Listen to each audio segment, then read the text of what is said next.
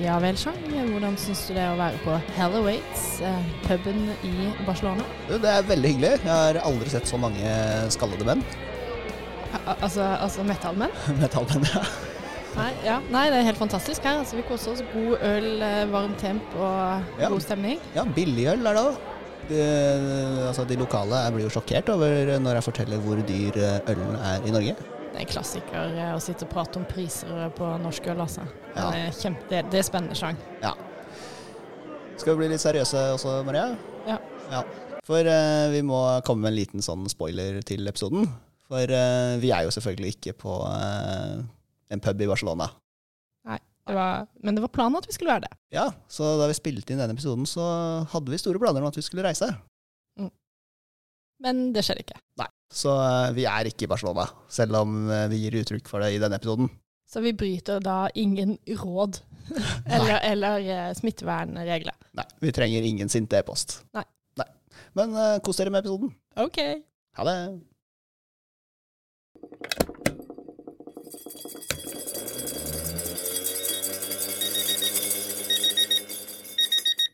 Velkommen alle sammen til Labprat. Mitt navn er Chang I Kong, og med meg har jeg Maria Bellan Olsen. Og Ida Gregersen. Og vi sender fra Institutt for indremedisinsk forskning ved Oslo universitetssykehus, Rikshospitalet. Og eh, når denne episoden her slippes, så er jo vi i Barcelona. Det Mhm. stemmer. Vi koser oss der. Vi er ikke på ferie, hvis noen trodde det. Vi er litt på ferie, sjøl. Nei, det blir jo alltid, alltid litt annerledes eh, arbeidshverdag når vi er på sånne jobbreiser som det er. For vi er eh, i Barcelona eh, for å ha et eh, møte eh, om dette EU-prosjektet vi presenterte før jul. Dette Painfact. Så vi møter jo da samarbeidspartnere fra andre institusjoner rundt om i Europa. Så vi skal jo diskutere litt hva vi skal gjøre videre i dette prosjektet her. Eh, Og så skal vi presentere noen foreløpige data vi har. Og så er det vel noen andre som skal presentere data de har. Mm. Det blir jo en veldig etterlengta tur til utlandet da, også. Det gjør Selv jo om det det. er jobb. Ja. Det er jo deilig. Altså, altså, bare Nei, det, det, er bare, det er ikke ferie. Bare, er det fordi at ikke du syns det er noe ok å dra på ferie med oss, eller, Sjang? Liksom? Jo, jo, jo. Jeg drar gjerne på ferie med dere. jeg. Ja, er, det, er, vi- er, vi, er vi ikke i venneboksen din? Jo da, Du skal vi gjerne gjøre det også. Ja. Jeg og du, Ida, har vært eh, på ferie før, vi. Har vi det? Det har Nei, det har vi ikke. Vært Nei, på vært på- ferie. Vi kalte det ferie da Jean kalte det jobb. Ja, ja. Nei, det var konferanse i hva var det, Lisboa? Lisboa, ja. Ja, Nei, det var har hyggelig, det. sånn, jeg har sånn koselig bilde av oss tre på restaurant. Ja, nei, det var veldig hyggelig. Vi eh, Mm. fant jo en sånn liten lokal eh, bule i Lisboa. Å ja, gud! Det med så god mat. Ja, det var nydelig. Ja. Ja. Husker jeg kjempegodt. Mm. Vi var også på en sånn Michelin-restaurant der. Ja, men- ja, ja. vi pleier jo å kose oss ganske mye selv om vi er på jobbtur. Vi må jo innrømme det. Men der var jo de andre med, så det var det jo var ikke like trivelig. Å, nei. Bare tulla. Ja, ok. Nei, men det var trivelig. Vi eh, koser oss på tur da, når vi er eh, på utenlandsreise. Og ja, og nå, nå, denne her, nå skal vi jo på sånn pub til pub. Ja, det har jo vi blitt lovet at noen skal jo ta med oss eh, på sånn pub-til-pub-runde. En som har vært eh, litt i Barcelona, skjønte vi. Nei, han har ikke vært i Barcelona, han har bare googla seg frem til puber vi skal på. Oh, ja. Fordi Knut, ja, vi skal på metallbaret. ja. Fordi Knut, han, eh, vår kollega Knut, eh, vårt metal-alibi i gruppa, han er veldig kul. Han går alltid i sånne sorte klær og så har han masse tattiser. Ja. Veldig stille og rolig og snill, da. Ja, det vil si. Ja. Men han, eh, ja, han skal ta oss på pub til pub eh, metal-version. Stemmer det. Så øh, hvis det er noen i Barcelona som hører på dette her sånn tilfeldigvis i dag, så finner dere oss øh, på puben Hello Aids. Ja, så der kan dere se etter en flokk med streitinger og en metallfyr. Der har du oss. Ja. Skal vi sette i gang da, dere, med prosjektspalten? Ja, vi får gjøre det. Ja. Forrige gang så skulle vi, hva var det, så vidt jeg kan huske, gjøre en insulintoleransetest, kan det stemme? Stemmer det. Mm. For disse mutante musene våre, der har vi jo funnet ut at de skiller ut litt mindre insulin enn normale mus. Yes. Mm. og så måtte vi finne ut av om eh, er dette forklaringen på alt vi har sett, altså at de har litt for mye glukose i blodet, eller kan det skyldes andre ting, f.eks. at de også er litt eh, resistente uh, mot insulin. Altså de eh, responderer ikke på samme måte på insulin som normale mus. Og dette måtte vi komme til bunns i. Ja, Mm. hvordan gikk det? Nei, eh, Maria, du var jo med meg ned og gjorde en sånn insulintoleransetest. Ja, det gikk jo ganske bra. Gikk på første si- forsøk. Ja, fortell litt. Hvordan, hva gjør dere? Dere gi- gir dere insulin, da, eller? Ja, Ja. så eh, vi eh, Vi eh, faster musene først, Mm. eh, sånn at de har lik, ut, lik utgangspunkt eh, Mhm. i glukose. Og så får de en liten injeksjon med insulin. Og så måler vi da hvordan blodsukkeret synker Ja. innen en gitt tidsperiode. Ikke sant? Mm, For da er det jo kroppen som skal eh, Eller alle organene som eh, tar eh, og binder til seg insulin, og så tar de opp glukose. Ja. ja. Så da ser dere om insulinet fungerer, da. Ja. På en måte. Mm, eller om responsen er sånn som den skal være. Ja, for Ja. insulinet fungerer mest sannsynlig, men om, om man Ja. klarer å bruke Om de klarer å bruke det, ja. ja. Mhm. Ikke sant. Ja, Og det, hvordan så det ut, da? Nei, det gikk veldig bra. De Ja. responderer helt normalt. Så Ja. de er ikke insulinresistente. Ikke sant. Så det er mangel på insulin sannsynligvis som er deres problem. Foreløpig så er dette den sterkeste ledetråden vi har. Mm. -hmm. Men vi må på en måte karakterisere glukosemetabolismen eh, fullstendig, da. Og da mangler det én test eh, vi må gjøre, Ja, ok. og det er en pyruvattoleransetest. Så vi skal måle musenes evne til å produsere glukose. Ok, Ja. det, var, det var gøy ord i det er privat. Ja, nei, eh, hva er pyruvat, da? Eh, Det var litt vanskelig. ja. Så har du bare satt der med sånne Ja, altså, jeg har hørt om det, men jeg tenkte kanskje at det må vi forklare. ja, eh, pyruvat er jo på en måte Vi kan tenke på det som eh, startsubstratet Mm. som eh, kroppen trenger til å lage glukose. Byggestein, Altså, liksom? start, ja. altså, ja, startsubstratet. Det var Ja. ikke sånn Hva skal vi kalle det? Startmolekylet? Ja, eller det. Utgangspunktet. Ja. I utgangspunktet, Ja, som uh, leveren stort sett bruker til å lage glukose. Da. Ja. Uh, og eh, kroppen må jo ha et relativt stabilt nivå av glukose, Mm. fordi det er noen organer, f.eks. hjernen, er jo helt avhengig av glukose for å fungere. Mm. Så eh, ved faste, f.eks., så vil kroppen begynne å produsere glukose fra andre ting Ja. gjennom en prosess som heter glukoneogenese. Og da er utgangspunktet pyruvat. Ja. Yes. Ja, eller utgangspunktet er vel andre ting også, så, så man lager pyruvat av andre ting. Ja. Ja. Man lager pyruvat av Aminosyrer, for eksempel. Ja, Mhm. og, Glyserol, for eksempel. og Tja eh, Jeg bare Hvor kommer glycerol fra, da? Fra fett. Fra fett, ikke Mhm. sant? Så på en måte, så, så da, enkelt forklart, da, så kan man lage glukose av fett og proteiner. Du kan jeg bare spørre, så på kremer så står det jo ofte at det er masse glyserol i. Ja. Det er jo på, det er jo ikke noe stress det, da. Når det er noe man kan lage sjøl. Uh, ja, altså du må utvinne glyserol fra din egen kropp og smøre det på huden, tenker du på? Nei, men jeg bare, altså, for det er jo alle ting Og du tenker at det, er- det er ikke noe farlig tilsetning? Ja. Nei, det er det. Nei, det er det nok ikke. Men uh, grunnen til at vi ønsker å gjøre sånn test på glukoneogenesen, er jo at eh, det vi har sett i disse musene, er jo en litt økning i glukose. Mm. Så det kan jo tenkes at uh, glukoneogenesen går når den ikke skal gå. Altså at musene produserer glukose når de ikke trenger å produsere glukose. Ok, ja, så derfor så er det økt, ja. Fordi de overproduserer? Ja, eh, dette vet vi jo ikke. Sannsynligvis Nei. gjør det ikke det. Nei. Men eh, vi må på en måte komme til bunns i det. Vi, vi tror jo kanskje nå at det, dette skyldes eh, dårligere produksjon av insulin, Mm. men vi kan ikke konkludere før vi har gjort eh, denne siste testen, da. Nei. Nei, men det blir spennende å høre om. Da yeah. tar vi det i neste episode. Vi satser på det. Ja, Mm, veldig bra. Det er bare å jobbe på. det skal vi. Men da skal vi inn på eh, episodens tema. Og uh, temaet i dag uh, er jo uh, veldig relatert til eh, prosjektspalten som vi har snakket om nå. Yes. Og vi skal snakke om eh, diabetes. Og eh, vi kan kanskje starte med å definere hva diabetes betyr for noe. Eller eh, hvilke kjennetegn har sykdommen diabetes. Mm, ja. Ja, det, jo, det ble jo egentlig en veldig fin intro her nå, ja, som du sa. Eh, for diabetes det er en gruppe sykdommer som skyldes at, enten, eh, at kroppen enten ikke produserer nok insulin, eller at insulinet virker for dårlig. Eh, og eh, som vi har nevnt, så trengs insulin for at cellene skal ta opp næring. Eh, og når kroppen da ikke produserer insulin, eller når insulinet ikke virker godt nok, så fører det til at cellene ikke tar opp eh, sukkeret som er i blodet, og man får høyt blodsukker. Ja, for eh, insulin har en veldig viktig rolle i å regulere opptaket av sukker fra blodet vårt. Og, eh, kan ikke du forklare litt mer hva insulin eh, gjør? Jo. Eh, det er jo sånn at når vi har spist, så øker blodsukkeret vårt. For vi, eh, vi tygger maten, og maten fordøyes, og næringsstoffen tas opp i tarmen. Og karbohydrater fra maten vi spiser, altså karbohydrater er det jo nesten i all mat vi spiser, hvis Mm. ikke vi liksom med vilje unngår det veldig, eh, de vil brytes ned til glukose. eh, og det vil frigis i blodet. Og dette er jo energi som de ulike cellene og e- vevene våre trenger. Eh, og sånn som du sa innledningsvis, Chang, så er det jo noen organer som er helt avhengig av glukose. Det er f.eks. hjernen. Mm. Um, men for at cellene skal få tak i sukkeret, så trenger vi insulin. Ja. Men eh, så må vi nevne at det er flere typer diabetes, kanskje. Eh, De mest kjente er jo eh, type 1 og type 2, og svangerskapsdiabetes. Men det kan også være flere andre underliggende årsaker til at man har problemer med glukosemetabolismen, eller da håndteringen av sukker. Ja, det er jo ulike mekanismer som ligger til grunn for de ulike mm, typene diabetes. Da.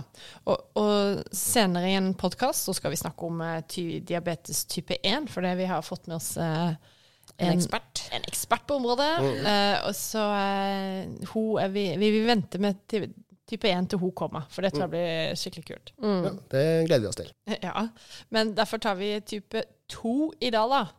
Og ehm, diabetes eh, type 2 eh, Her er det også flere varianter, men sånn generelt så har man eh, Så kaller man type, type 2 en mer en sånn livsstilssykdom. Eh, og altså, altså selv om da livsstilen i stor grad påvirker risiko for å utvikle diabetes type 2, så avhenger det også av gener. Og noen ganger også litt flaks og uflaks. Så Mm. det, er ikke, det er ikke Om du har diabetes type 2, så betyr ikke det at OK, du har levd en usunn livsstil. Ja, kan bare ha hatt veldig uflaks. Du kan også det. Men eh, før vi nå går videre, eh, vi er jo hjerte-karfolk. Men eh, likevel så er vi jo innom diabetes i de aller fleste prosjektene våre, vil jeg si. Mhm. Så eh, hvordan henger egentlig dette her sammen? Ja. Nei, ja, det er egentlig flere grunner til det. da.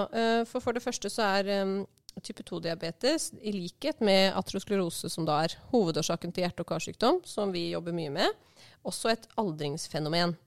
For de fleste av oss eh, de blir dårligere til å håndtere glukose når vi blir eldre. Mm. Eh, Og så vet vi også at for mye glukose i blodet over tid, eh, som man jo har ved en type 2-diabetes, det kan føre til det vi kaller metabolsk stress. Eh, og det, dette stresset da, det påvirker endotelcellene, og det er de cellene som eh, er i kontakt med blodet i åreveggen vår. Um, og de påvirker disse cellene negativt og stresser dem. Og når disse blir stresset, så øker det risiko for skader i blodåreveggen. Og det er jo da igjen relatert til hjerte- og karsykdom. Um, og disse skadene de kan også gi betennelse i åreveggen.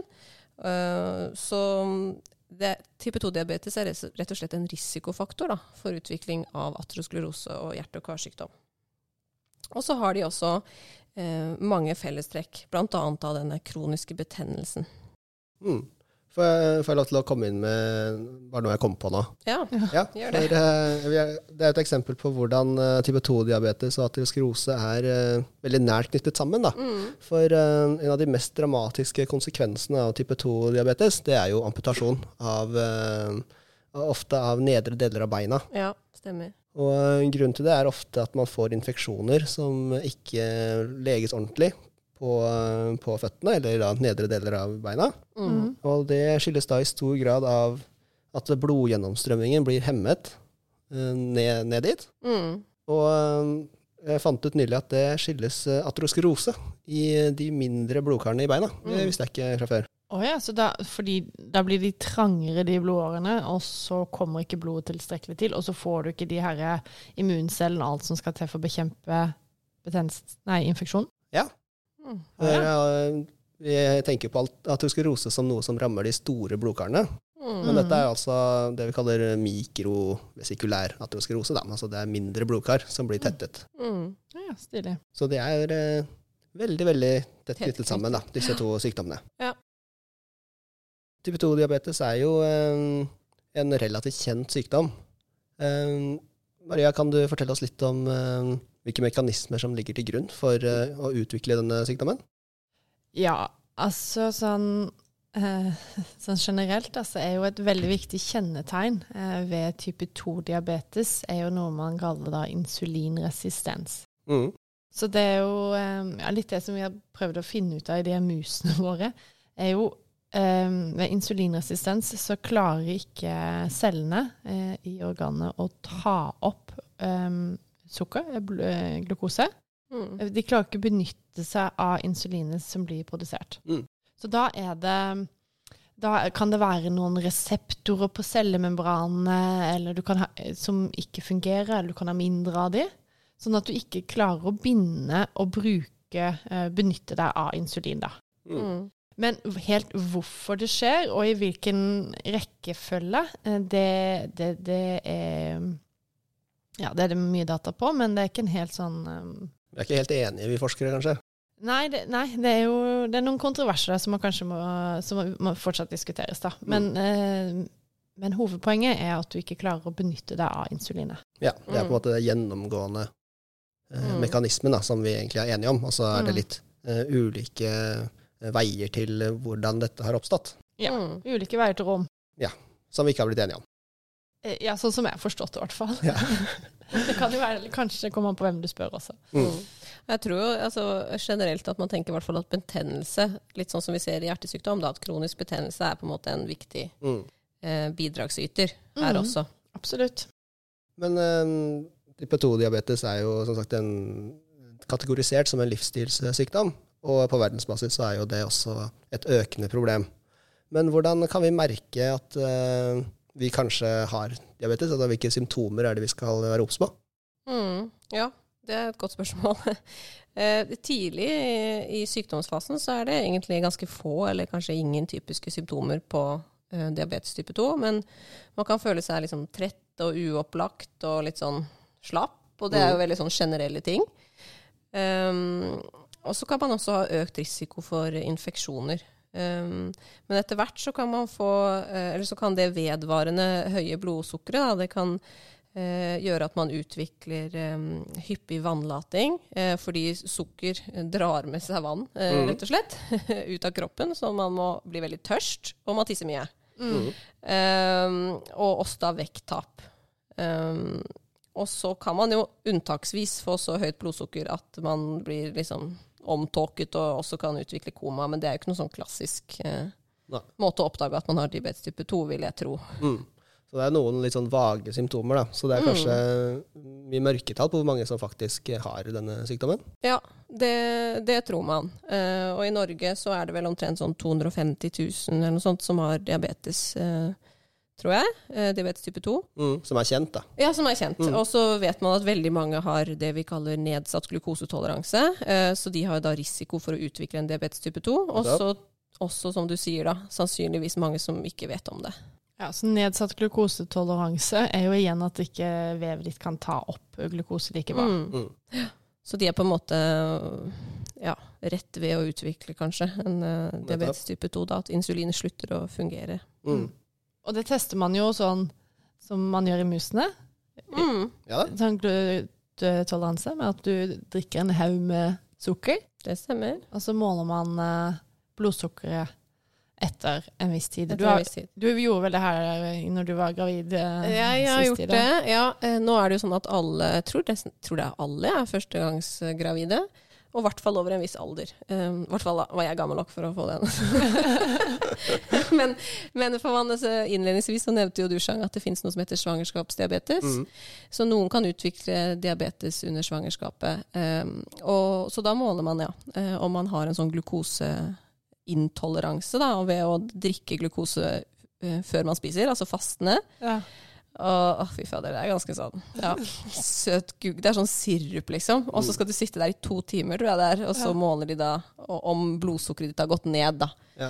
Og hvis ikke det har gjort det, da, så tenker man jo at ok, kanskje du har en begynnende glukoseintoleranse, eller eventuelt en begynnende diabetes, da. Nettopp. Mm. Og dette tar man altså fastende, da, så det er dette, det, Mm. dette er det første du får i deg på morgenen. Ja, det er nydelig. Ja. Og jeg husker jeg grua meg skikkelig. Det gikk fint, altså. Ja. Men i tillegg når man er gravid, da, så er man litt sånn der Å, jeg skal stå opp, jeg skal ikke spise. Og så skal du drikke en sånn gugge med sukker. Jeg tror noen syns det er helt forferdelig. Men Ja. uh, det, det gikk absolutt veldig bra. Og heldigvis var den fin, da. Ja. ja, men det var bra. Men uh, vi eh, hører jo også nå sånn uh, jula er forbi, så leser vi ofte i uh, tabloidaviser uh, f.eks. Hvordan man kan spise seg frisk fra type 2-diabetes. Ja. Og eh, siden vi har en ernæringsfysiolog eh, blant oss, Ida, Ja. eh, er det en eh, behandling eh, man kan eh, gjøre på seg selv da, eh, for å forbedre sin glukosetoleranse? Ja, altså jeg vil jo, Hvis man på en måte har få- fått påvist en eh, type 2-diabetes, så ville jeg jo ikke behandla meg selv. Da ville jeg gått til lege og eventuelt også fått hjelp av en ernæringsfysiolog. da. Mm. Eh, men, eh, men ja, det er, det er absolutt noe i det. Eh, og livsstils, eh, altså råd til livsstilsendring er jo ofte det man, eh, man anbefaler først ved en Mhm. type 2-diabetes. Fordi mm, som vi har nevnt, så er det jo en, regnet som en livsstilssykdom, og i de fleste tilfeller så kan man gjøre veldig mye med å endre livsstil. da. Så da vil man få råd som eh, eh, endringer i kostholdet, selvfølgelig avhengig av hva slags kosthold man har. eh, eventuelt eh, vektnedgang, hvis eh, det er behov for det. Eh, røykeslutt mm. og økt aktivitet. Ja. Eh, men dette vil jo selvfølgelig avhenge av hva slags livsstil man har fra før, da, og hva slags endringer man potensielt trenger. Men for Mm. noen vil også medikamenter være nødvendig. Eh, men jeg tror man i fleste tilfeller prøver livsstilsendringer først, da, for man vet at det kan ha utrolig god effekt. Så man kan eh, i praksis faktisk eh, bli Ja. friskere eh, gjennom det. kostholdet. Eh, absolutt. Det er generelt eh, veldig lurt å, å, å spise sunt og bevege seg mye. Oi, Breaking news! jeg, jeg er breaking news. Gullkorn får du der i dag. Jeg tror jeg alle ble sjokkert her. Men som vi også har sagt, vi, vi jobber jo mye med diabetes eh, på laben. Mm. Altså i disse musemodellene våre. Og så har vi jo snakket litt om hvordan vi eh, forsker på det gjennom prosjektspalten vår. Men er det noe vi ikke har nevnt i prosjektspalten, som vi også gjør eh, på laben når vi studerer diabetes? Ja, altså sånn i, i forhold til musene, tenker du på? Eller? Sånn musestudier og sånn? Ja, for eksempel. Ja. Um, ha, har vi s- fortalt at vi også setter musene på sånn høyfettighet? Nei, kanskje ikke, men det gjør vi. Uh, Ja, Ja. fordi uh, for å etterligne da den, eh, den nære livsstilen som vi har med å spise mye, Junkfood. ja, mye Mm. junkfood, egentlig, Mm. så setter vi eh, musene på høyfettighet. Mm. Og den heter faktisk eh, Western Type Diet, eller altså Ja. vestlig eh, diett. Stemmer. Så det, er mye, er det mye kolesterol og fett og min... Mm. oh, men er det hva, hva er prosenten du bruker nå, Sjang? Eh, nå bruker vi 45 fett, Ja. eh, men vi har vært oppe i 60. Mm. Det avhenger liksom litt av studiet ofte. Og Mm. Så da går jo Ja, men da går de musene på denne dietten, og så følger man jo selvfølgelig med på de her parametrene som vi har snakka om, blodsukker og insulin og sånt. mm. Uh, og uh, utvikling av um, hjertefunk altså se på hjertefunksjon, og se- ser vi noen endringer, noen strukturelle endringer av hjertet og, og andre organer, da. Mm. Så vi bruker jo denne metoden ofte i sammenheng med de ulike genetiske modellene våre. Å se Mm. om eh, noen mus er mer eh, genetisk eh, predisponert til å utvikle diabetes, eller om deres Mm. genetikk beskytter da, mot utviklingen av diabetes. Og da, da bruker vi en sånn eh, høyfettdiett for å gi dem eh, en diettindusert Mm. diabetes, som vi Mm. kaller det. Da har vi litt kontroll på, Mm. Og, Og da vil vi jo for å undersøke om det, de faktisk utvikler diabetes, gjøre en del av de undersøkelsene vi har snakka om i prosjektspalten. da. Ja. Sånn uh, glukosetoleransetest, som man også da gjør på gravide. Mm. og eventuelt insulintoleransetest, og sånt som du har fortalt om i dag. Ja. Mm. Og så ser vi jo kanskje i samme studie på atlosklerose. Mm. Mm. Det gjør vi alltid, nesten. Mm. Da så er det feil. Aterosklerose. Ja. Det er vanskelig, da. Vanskelig. Åreforkalkning, kan vi si. ja, det kan Ja. vi si. Jeg sier atlosklerose. Atero.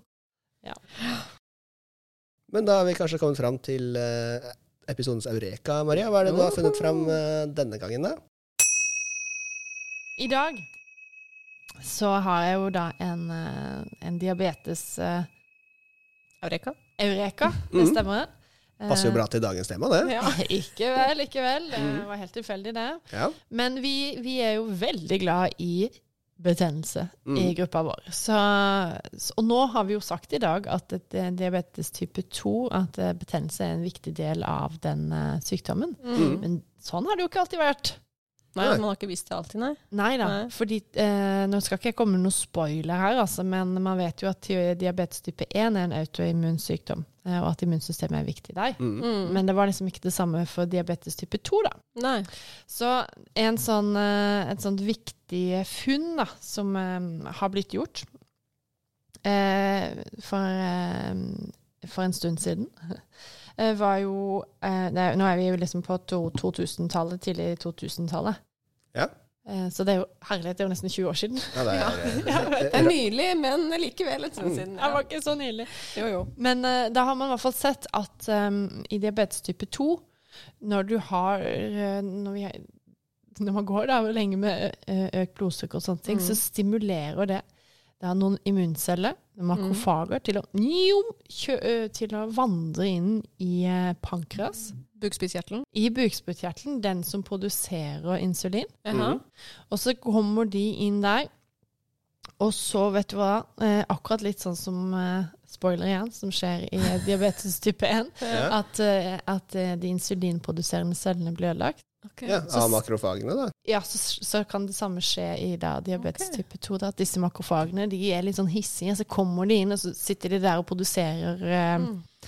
Produserer um, Betennelse, liksom. Mm, og så får de faktisk betacellene også til å produsere betennelsemolekyler. Ja. Så her på en måte eh, har du liksom av at du har økt blodsukker fordi du har en insulinresistens, så vil du få ødeleggelse av eh, de cellene som produserer insulin, og da også mindre insulin. Ja, du gjør det bare verre.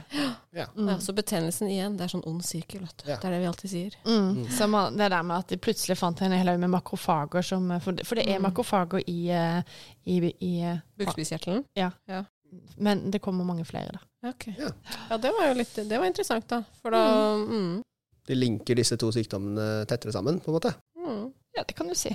Så det, nå er det jo eh, Man har jo liksom gjort litt studier eh, hvor man bruker betennelsesdempende eh, um, på diabetes type 2, og det har jo fungert i noe grad, eh, Mm. men kanskje ikke sånn langvarig. Så vi, vi har litt eh, vi har litt igjen uh, Ja. før man kan uh, Det viser jo liksom litt hvor komplekst ting er, fordi det er liksom så um, Det finnes sånn spekter av på en måte de fleste sykdommer, da, og at man liksom Mm. Det er veldig vanskelig å putte noen i én bås nødvendigvis, og det er jo også derfor kanskje ikke eh, samme behandling virker for alle, eller samme forebygging, eller hva skal jeg si, livsstil, da. Eh, fordi ja, det er rett og slett variasjoner og grader av sykdom hele veien. mm. Men for, man har liksom sett i sånne, i sånne metaanalyser og sånne ting at du, du med, med sånn helt spesifikke immundempende medisiner, da, Mm. så kan man få bedre glos, blodsukkerkontroll. Okay. Ja. Man kan få bedre få kontroll på blodsukkeret sitt. Så det hjelper å redusere inflammasjonen, eller betennelsen, Mm. da. Så, men, men, det, men i det her, et sånt studie som vi sikkert kan prate om en gang, det er Kantos. Mm. Ja. Et sånt svært studie hvor de brukte et uh, immundempende medikament. Mm. så fant de, de det, det var ikke noe mindre tilfeller av nye type 2-diabetes. Ok. Nei, Det var forebyggende, på en måte. Nei, ja, det var ikke forebyggende.